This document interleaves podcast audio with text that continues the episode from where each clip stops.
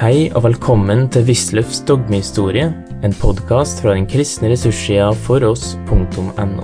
Med gjennomgang av Den kristne kirkes dogmehistorie av tidligere professor ved Menighetsfakultetet, Carl Fredrik Wisløff.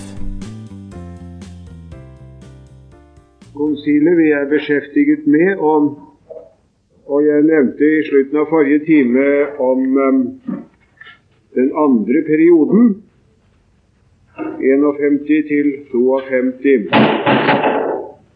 Da var det især eukaristien som det var tale om. Og der ble det, som i de fleste andre tilfellene, gitt en kodifisering av den middelalderlige læreutvikling. Det er jo i det hele taget Trentinekonsilets betydning at den middelalderlige læreutvikling blir fastslått. Den var mangfoldig, det var ikke alltid så lett å si hva som var den rette lære. Det var tendenser i forskjellig retning, men nå blir det fastslått i en, en uh, alminnelig konsens og det som blir sagt her, er nå for det første at Ja, jeg har sitert det her lite grann. Nadværen, eller eukaristien skulle vi si her, er åndelig mat, og like som en motgift ved hvilken vi blir befridd fra daglige synder og bevart fra dødelige synder, dødssynder.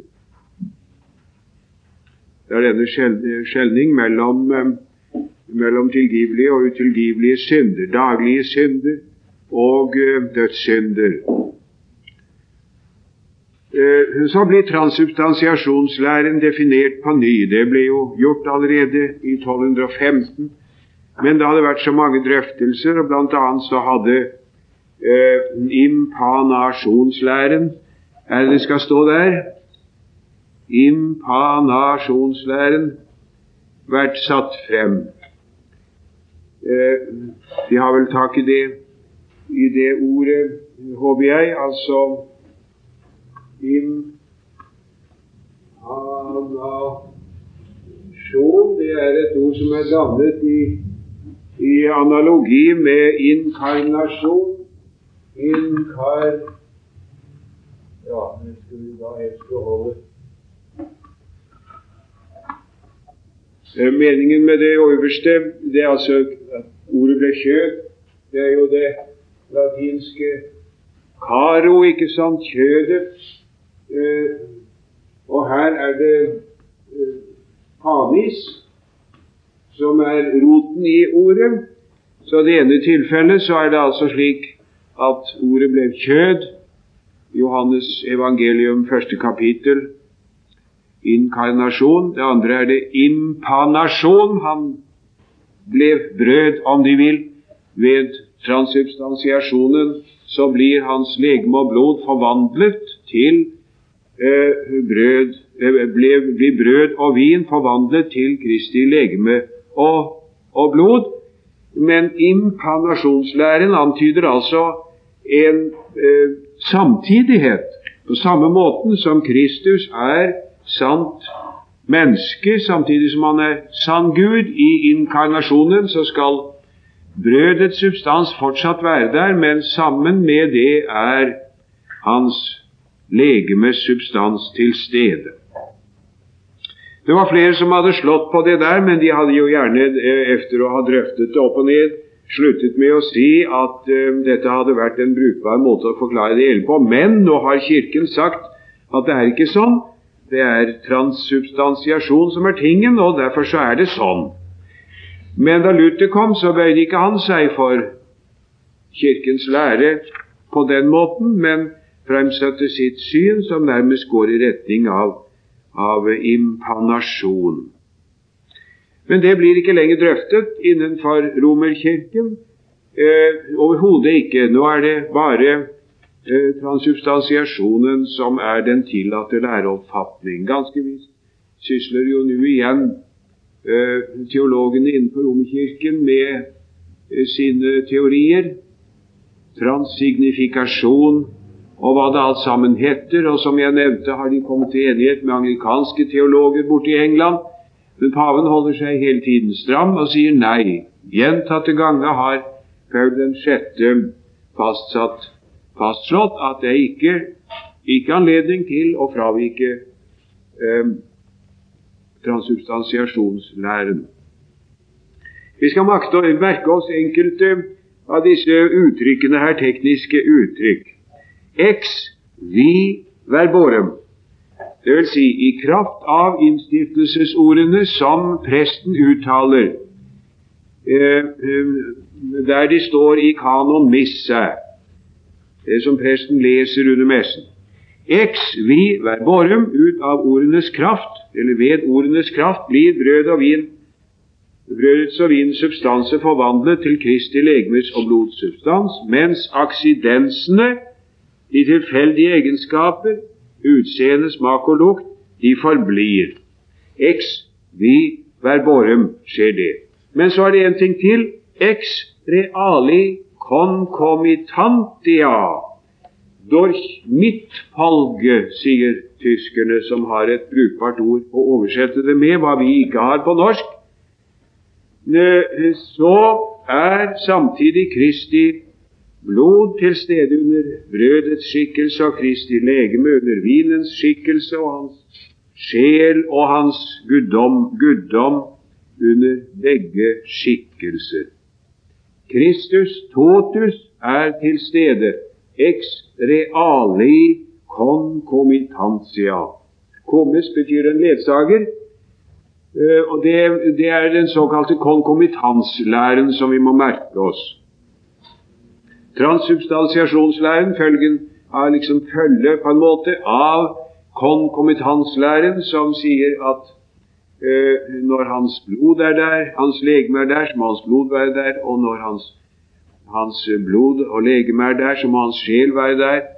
Og da må alt det som er sammen med dette, være der. Således også hans guddom må være der.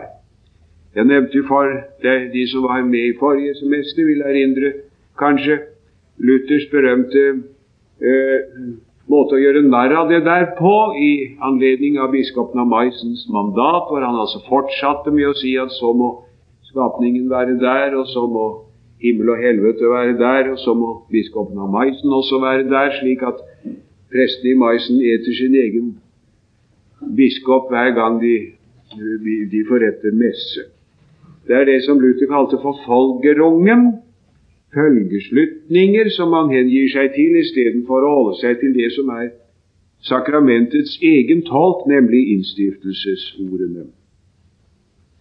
Og Når da Kristus totus er til stede i sakramentet, så kan man tilbede Kristus i sakramentet. Kultus latria.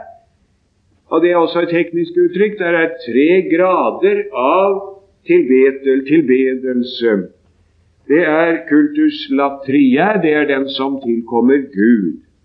Det er kultus dulia, eh, som er greske ord, dette virkeligheten som de ser men de er latinisert, da.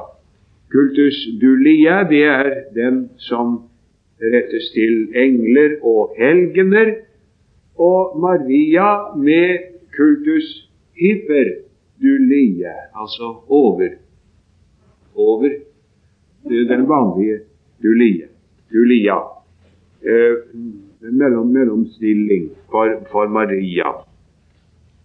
Alt det der er gamle, gamle saker, og det er interessant å se at Luther i, eh, Jeg tror det må ha vært en slags panikk, nærmest.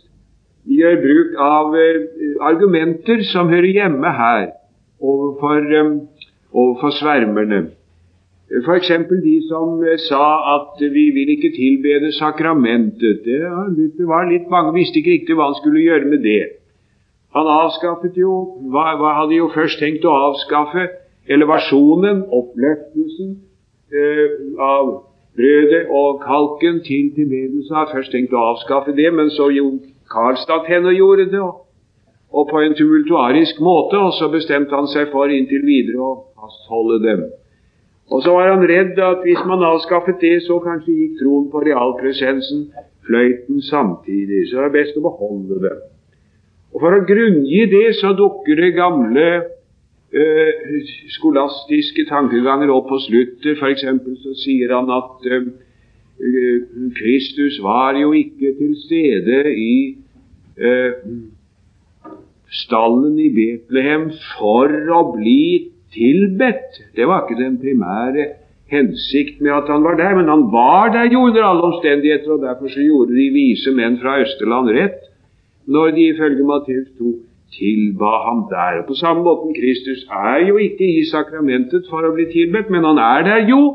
Og så får vi da vise ham vår ærbødighet i sakramentet. Eldgamle tanker som man kan finne i middelalderlige messeforklaringer, som Luther der i farten har grepet til. Han er ikke alltid så original som man til dels tror. Og dette samme argumentet med magi som tilbad Kristus, eh, enda det ikke var hensikten med Kristi tilstedeværelse i, i stallen i Betlehem, det kommer også ganske riktig her i Tridentinums akter. Lengre enn dette kom man da egentlig ikke under den annen, den annen eh, sesjon, 51-52. Man drøftet litt om messeofferet, men det ble ikke til noe foreløpig. Det var ikke før i den tredje sesjonen at man for alvor tok fatt på det. Derimot så var det boten, som jeg allerede har nevnt, at boten ble, ble, ble drøftet her. Og Da slo de fast for det første at botens sakrament er innstiftet om, uh, av Kristus. Uh, ifølge Johannes 20, hvor det står at det må tilgir noen deres synder, så er de tilgitt. Nå står det jo ikke noe om skriftemål der, da. Det står ikke noe om at vi skal bekjenne sine synder. Og mm, det var noen som mente at så kunne det vel ikke være absolutt nødvendig heller. Det kunne jo ikke da fastslås jure divino. Jure divino skal det stå, naturligvis. Ikke divini. Men, men, flertallet mente at jo, det må høre med til innstiftelsen, og så sa man det. Kristus har innstiftet begge deler. Jeg vil minne om Geiselmanns påstand om at man i Tridentinum i og i virkeligheten ikke var så stram på å sette tradisjonen opp på siden av Skriften, som man til dels har sagt. Overflødig diskusjon, men jeg. Har man dogmatisert ting som ikke fins i Skriften, med uttrykkelig henvisning til at tradisjonen sier at det er så.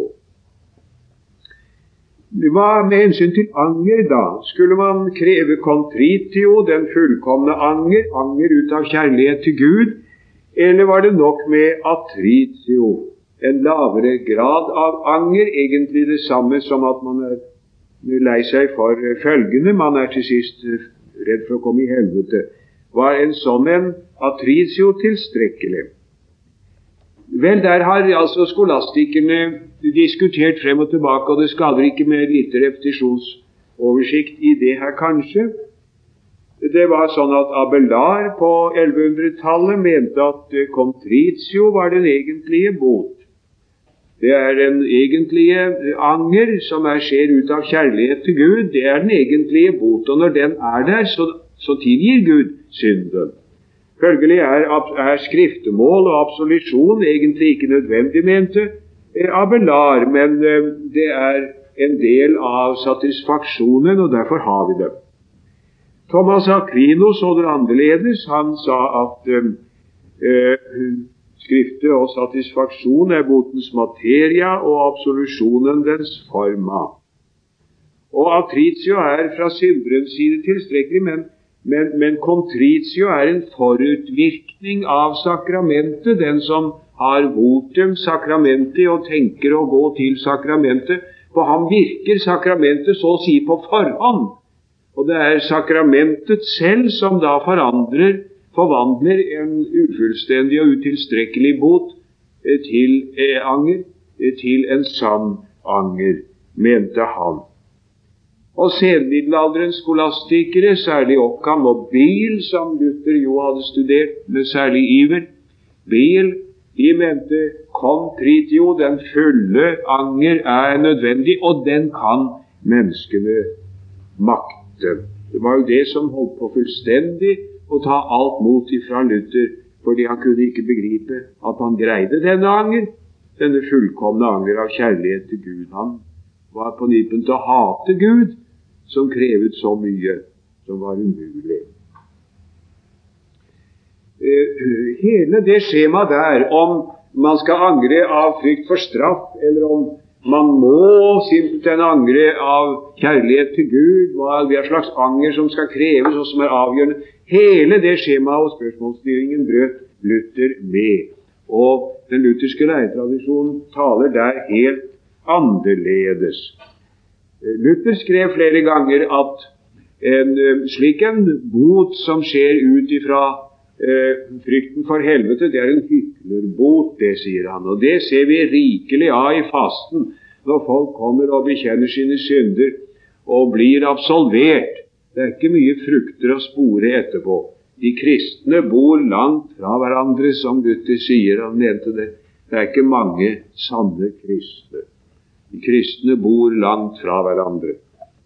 Så nei, det der er ikke noe. Det er, ikke noe. Det er eh, overhodet ikke angeren i noen form eller fasong som er det avgjørende, men det er troen. Det er troen. Eh, og det sier Melanchthon i apologien jo også. Vi må holde opp å diskutere om Judas anger og Peter anger. Man sa jo gjerne det at Peter angret og Judas angret. Det står uttrykkelig det om begge. Og Peters anger den var ut fra kjærlighet til Gud. Derfor ble han til, fikk han tilgivelse. Men, men, Judas angret bare fordi han nå var redd for å komme til helvete. Og så gjaldt ikke det. Nei, nei, sier Melanchthon, det er galt. Det er galt å si det sånn. Det la ikke forskjellen i anger som var det avgjørende, men den ene hadde tro, den andre ikke. Her er da uh, forskjellen veldig stor også mellom katolsk og evangelisk. Absolusjonen er etter den katolske lære en judisiell akt, dvs. Si en domshandling, uttalt av den som har fullmakt til å uttale den. Og det vil si den uh, ordinerte prest som har uh, fullmakt fra sin biskop til å forrette botens sakrament. Han eh, kan eh, frikjenne mennesker fra deres synd og skyld, og da gjelder denne frikjennelse i himmelen, en judisiell akt. Og her blir, eh, blir Augustana 12 direkte anatematisert. Og I artikkel 12 står det jo bare at boten består av to stykker, nemlig anger og tro. Anger som er en følge av loven, og troen som er en følge av evangeliet. Og deretter bør det følge gode gjerninger, sier Augustana Jo med Melanchtons uttrykksmåte. Det består av to ting anger og tro. Og troen er det som er hovedpunktet. Det blir uttrykkelig fordømt her i, eh, i eh, tridentinum. Eh, det er eh, helt klart og tydelig det som det siktes til, slik som det her er, er uttrykt. Her heter det nemlig hvis noen nekter at det til en fullstendig syndenes forlatelse trenges tre akter i, den, uh, i, i boten, nemlig contritio, confessio satisfactio, eller om noen sier at det bare er to ting som utgjør boten, nemlig terrores incussos conscientie agnito peccato, direkte sitat fra Augustana, direkte sitat fra Augustana, et fidem conceptam ex evangelio vel absolutione, qua credit quis per Christum remissa peccata, anatema sit. Det er med ords og uttrykks direkte anførsel en eh, fordømmelse av den augsburgske bekjennelse. Så en kunne jo da kanskje ha tenkt eh, i Vatikanum II, hvor det ifølge så mange høyrøstede eh, kommentatorer skjedde en sånn umådelig tilnærmelse til den evangeliske kristendom at dette punktet i det aller minste kunne ha vært berørt. Men det skjedde ikke. Ikke med en lyd. Overhodet ikke. Noe tegn noe sted, noe punkt i Trientinums akter, til, i, i annet Vatikankonsils akter til at dette spørsmålet har vært berørt en gang, langt mindre at man har sagt noe om det. Så her er det altså to helt forskjellige, forskjellige punkter. Forskjellige måter å se det på. Og man kan si det slik som jeg har prøvd å uttrykke det her, at den katolske lære uh, urgerer her den prestelige domsfullmakt, mens Augustana urgerer evangeliet. Altså Det avgjørende i den katolske betraktning er prestens, prestens øh, fullmakt til å absolvere synder. Hvis ikke det er en prest som gjør det, så gjelder det ikke ex opera operato. Da gjelder det bare ex opera operantis, og det vil da si at øh, da står det og faller med i graden av, av sann anger hos den som angrer og bekjenner. Men om en legmann absolverer, det er ingen gyldig, eh, ingen gyldig absolusjon. Mens derimot den lutherske eh, læreoverlevering er at det er for så vidt helt uten noen som helst betydning hvem det er som, som absolverer. Det er normalt presten, men det kan være en legmann. Det spiller ingen rolle, for det er under alle omstendigheter evangeliet som er det utslaggivende. Ordet om syndenes forlatelse som blir applisert på den angrende og botferdige synder. Han legger hånden på hans hode og tilsier ham syndenes forlatelse for Jesus skyld. Og om det da er en prest eller en legmann som gjør det, har ingenting å si. Og Luther endog har på sentrale steder sagt at om det er en prest som absolveres, så gjør han det som en broder. Som en broder. Han kommer i betraktning som en broder når han gjør det. Så i det ene tilfellet er det altså, eh, er det altså domsfullmakten hos den dertil befullmektigede prest. I det andre tilfellet er det evangeliet som har trykket evangeliet, som altså den bekymrede samvittighet skal få lov til å ta imot når på den måten er gitt ham direkte. Eh, virkningen er den samme om man hører det i, i forsamlingen, men som da jeg har vært vanlig å si innenfor lutherdommen, der er samvittigheter som er for bekymret til å kunne ta imot det, og da får han det direkte uh, gitt seg med hånds påleggelse. Det er, uh, heter det da gjerne uh, blant gamle lutherske pastoralteologer. Det er som når en rik mann kaster gullpenger ut. Ikke alle tør å ta dem, eller rekker å ta dem, eller klarer å ta dem. Og Da kan den rike mann selv gå ned og trykke gullmynten i, den, uh, i hans hånd som ellers intet fikk. Det er absolusjonen. Med hensyn til contritio og altritio så mener egentlig Tridentinum at uh, altritio er tilstrekkelig. Og med direkte hentydning til et lutherord så heter det at uh, det er ikke sant at det bare er en hyklerbot. For den forbereder for uh, sakramentet ved hvilket den sanne kjærlighet inngydes, heter det. Og så kommer dette med reservasjon. I visse tilfeller er absolusjonen reservert for høyere geistlige. Paven har jurisdiksjonsmakt i hele Kirken, bispen i sitt bispedømme, presten i sitt virkeområde. Eh, og når det gjelder svære synder, så er de eh, som Stufenweise avgrenset. Det er jo f.eks. Ja, har De lest Bo Gjertses roman 'Troen alene'. Har de lest den, noen av dere? Da vil de huske det tilfellet, helt korrekt gjengitt, med presten som var med i Dakkefeiden på reformasjonstiden, katolsk prest. Og eh, da hadde han i, i, sin iver altså blandet seg opp i kampene, og så hadde han ta, slått i hjel en mann. Og som prest måtte han jo ikke det.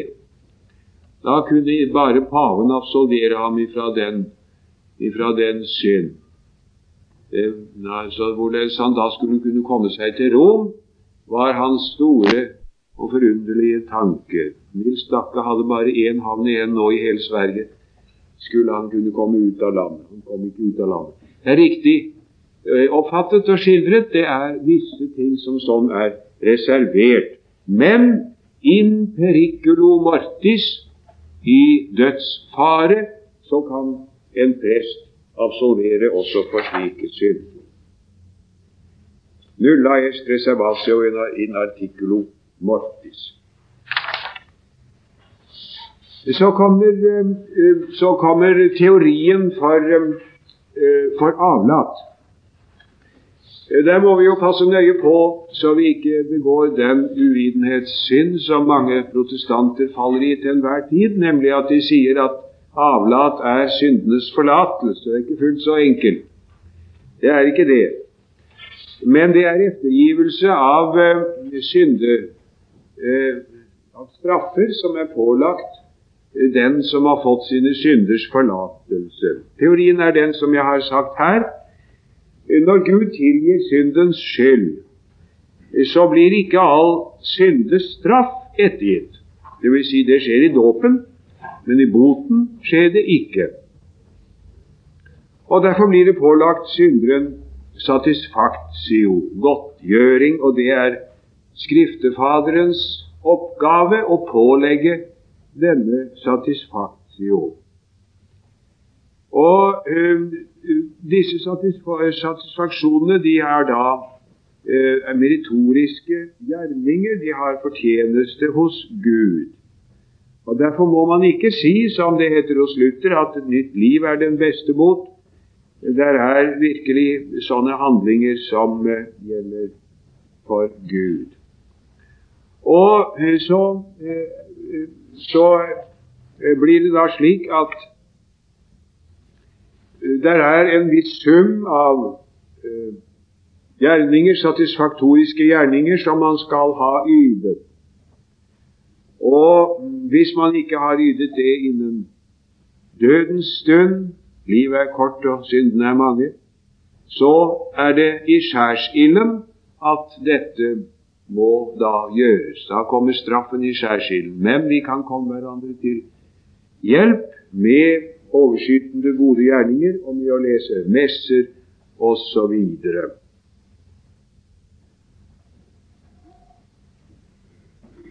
Det er eh, slik ifølge Luther jo at boten er selve kristenmenneskets livsform. Som det heter i den første av de 95 teser i 1517, at da vår Herre Jesus Kristus sa 'gjør bot', så mente han at hele vårt liv skulle være en bot. Og boten, det er å vandre i det som sakramentalt er uttrykt og gitt i vår dåp, nemlig å dø og oppreises med Kristus. Det er anger og tro som er boten, og anger og tro er kristenlivets hele form, livsform. Men det også dette blir uttrykkelig fordømt av Fidentinum. Der er en forskjell, sies det her, at uh, i dåpen blir all synd vasket bort, men uh, ikke, ved, ikke ved boten, som vi allerede hørte. Og her er et merkelig uttrykk. Penitentia est laboriosus baptismus. Det er en strevsom strevsom, strevsom eh, dåp. Laboriosus er altså en, en, en, en, en dåp, men altså som vi gjør med våre gjerninger. Eh, det er slik at der er den menneskelige innsats og medvirkning av en helt annen beskaffenhet i boten. Extrema unctio, den siste olje, ble stadfestet som sakrament. Nå er jo det da det sakrament som, som jo skriftmessig sett er svært dårlig belagt. Som vi jo vet, det er rent ut sagt ingenting om det i, i Skriften. Men man viser da til bare dette stedet hos Jakob. Det er særlig det, Jakob 5,14, at om noen er syk, skal han kalle til seg menighetens eldste. Og så skal han de salva, be for ham og salve ham med olje i Herrens navn, og troens bønn skal hjelpe den syke, heter det jo. Nå, eh, Her var det som sagt store vanskeligheter når det gjaldt eh, den siste olje, å få dette til å være et sakrament. Men man får det til. Eh, her er, blir det da uttrykkelig sagt at dette er et, en innstiftelse av et sakrament med forma og materia. Og eh, uh, Luther hadde sagt at det åpenbart etter sammenhengen i Skriften er tale om at folk skal bli friske, ikke at de skal dø. Det har man avstand fra. Og så hadde man også på evangelisk side sagt at det er tale om menighetens eldste. Det behøver jo ikke da akkurat være presten, mente man, men det blir sagt her at det er det. Det er det som er meningen. Og andre eh, Hver form for kjettersk villfarelse på dette punkt blir uttrykkelig avvist. Eh, da altså dette eh, dette andre, konsi, andre sesjonen, 51-52, det var dårlig besøkt. Eh, det var det, og var ikke på langt nær så viktig som det første avsnitt. Det var ikke mer enn 15 stemmeberettigede da det ble åpnet, men senere så vokste jo tallet en del til bortimot 100. Det er et interessant uh, punkt her at under denne andre sesjonen så kom det virkelig noen protestanter og, og var til stede. Det var ikke tilfellet i den første, for da pågikk ennå den smalkaldiske krig da det åpnet, og det var jo slik at seieren ved Myrberg ble jo nokså snart etterpå fulgt av flyttingen til Bologna, som jeg nevnte for dem. Nå derimot var det, var det, fred. Det var en hård fred og en vanskelig tid for protestantene. Det var en del, en del politisk aktivitet, og det var enkelte av de eh, evangeliske stender som så en fordel i å sende noen dit. Blant annet så kom det eh, kom da Brenz var der, Marbach var der, og Melanchthon han hadde begitt seg av sted og var underveis da det hastig ble oppløst. Eh, Moritz av Saksen, den lureste av alle på evangelisk side, største diplomat, ikke riktig sympatisk ved sin lurhet. Han hadde jo tusket til seg kurfyrsteverdigheten fra den andre to linjer av huset Saksen den ene av det var kurfyrste, det var jo da Johan Friedrich, som tapte slaget ved Mühlberg. Og det var mye fordi at Moritz han deltok ikke i kampene. Han eh, fikk da kurfyrsteverdigheten i sted. Men nå eh, angret han litt på dette her. Hans egen svigerfar eh, Hessen satt jo i fengsel, hvor han for øvrig gjorde et ynkelig figur. Eh, han var ikke den unge helt lenger. I motsetning til Johan Friedrich, som eh, aldri vek en tomme. Men eh, nok av det. Moritz av Saksen undret nå på hvordan han skulle komme ut av dette her, og samlet tropper i betydelig tall i størst mulig stillhet. Nå går jo ikke det for seg uten at noen får vite om det, Men for å gi sine operasjoner liksom et dekke av tilforlatelighet, så sendte han en delegasjon til Trento. Melanchthon, som sagt, han var underveis, han kom aldri så langt. Men noen kom så langt, og blant dem er det juristen Leonard Badenhorn.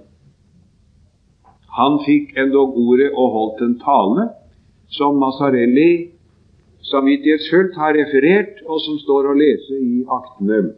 Og Det er mye til tale, ganske interessant altså. For han hadde tre ting å si. Eh, for det første at dette her ikke var noe ekumenisk konsil i det hele tatt. For det andre fordi at det manglet to ting i så måte. Det manglet Eh, representasjon fra hele kristenheten. Og det manglet enighet om at alle spørsmål skulle avgjøres secundum sacram scripturam, som det står gjengitt av Mazzarelli i referatet. Altså, Det er ikke noe, det er ikke noe ekumenisk konsil dere har her i det hele tatt. For det her er ikke representanter fra hele kristenheten, og dere er ikke innstilt på å avgjøre alt etter Skriften alene. Og så for det tredje gamle villfarelser har ikke noen beviskraft. Gamle villfarelser er da Leonard Badenhorns betegnelse for den kirkelige læretradisjonen. Det kan jo ikke overraske noen at dette fikk en kjølig mottagelse. Og han reiste da sin vei, men hadde her sagt det som lå ham på hans hjerte. For nå var tiden inne da Moritz slo til. Plutselig marsjerte han og overfalt keiseren som lå i Innsbruck. Han, eh, Keiseren reddet seg ved en hastig flukt, og da var det ikke mer enn to dagsmarsjer fra Innsbruck og ned til Trento. Og konsilfedrene fant da naboskapet noe farlig, slik at konsilet annen del ble oppløst nokså tumultuarisk, som man kan forstå. Men så kom den tredje sesjon, tredje periode, og det var fra 62 til 63. Varte ikke så lenge, det heller, men viktige ting ble her avgjort allikevel. Her må vi være klar over at forutsetningene var nå blitt helt andre. Nå hadde nemlig religionsfreden i Augsburg funnet sted. Religionsfreden i Augsburg 1555, et av de viktigste årstall i Europas historie, faktisk.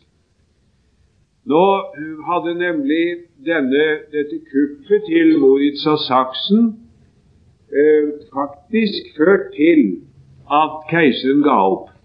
Han ga opp rent personlig. Han ville ikke mer. Han delte, gav det tyske land til sin bror Ferdinand og eh, resten til sin sønn Philip, som etter hvert overtok jo alt sammen, og trakk seg tilbake fra denne utakknemlige verden. Man kan på en måte forstå at man hadde ikke gjort annet enn å føre krig og ha vanskeligheter og trøbbel hele sitt liv. Men Ferdinand gikk da inn på denne religionsfreden i Augsburg, hvor den viktigste bestemmelse var det at det skulle være paritet mellom religionene, som de sa. De forskjellige landes fyrsten skulle nå avgjøre hva som skulle være religion i deres område, i deres land. Cuius regio, eius religio. På ingen måte noe som lignet vanlig det som vi kaller for religionsfrihet. Det var meget langt fra det, men det eh, skulle allikevel være. Curius regio, eius religio. Man kunne jeg nå ikke oppgi tanken om et folk som en syntese av religion og, eh, folk, folkegruppe, folk, politikk og religion og folket liksom i en syntese. Eh, det er bakgrunnen eh, som var rådende da den tredje sesjonen ble åpnet i 62. Da var det ikke tale om å invitere noen protestanter lenger, for det visste man jo, de ville ikke komme. De hadde fått hva de etter omstendighetene kunne håpe på. Og så hadde paven jo underkjent religionsfreden i Augsburg. Han ville ikke gå med på den. De evangeliske hadde stort sett nå fått det de kunne vente, og ø, var ikke lenger på fremmarsj. Det var den katolske kirke som var på fremmarsj nå.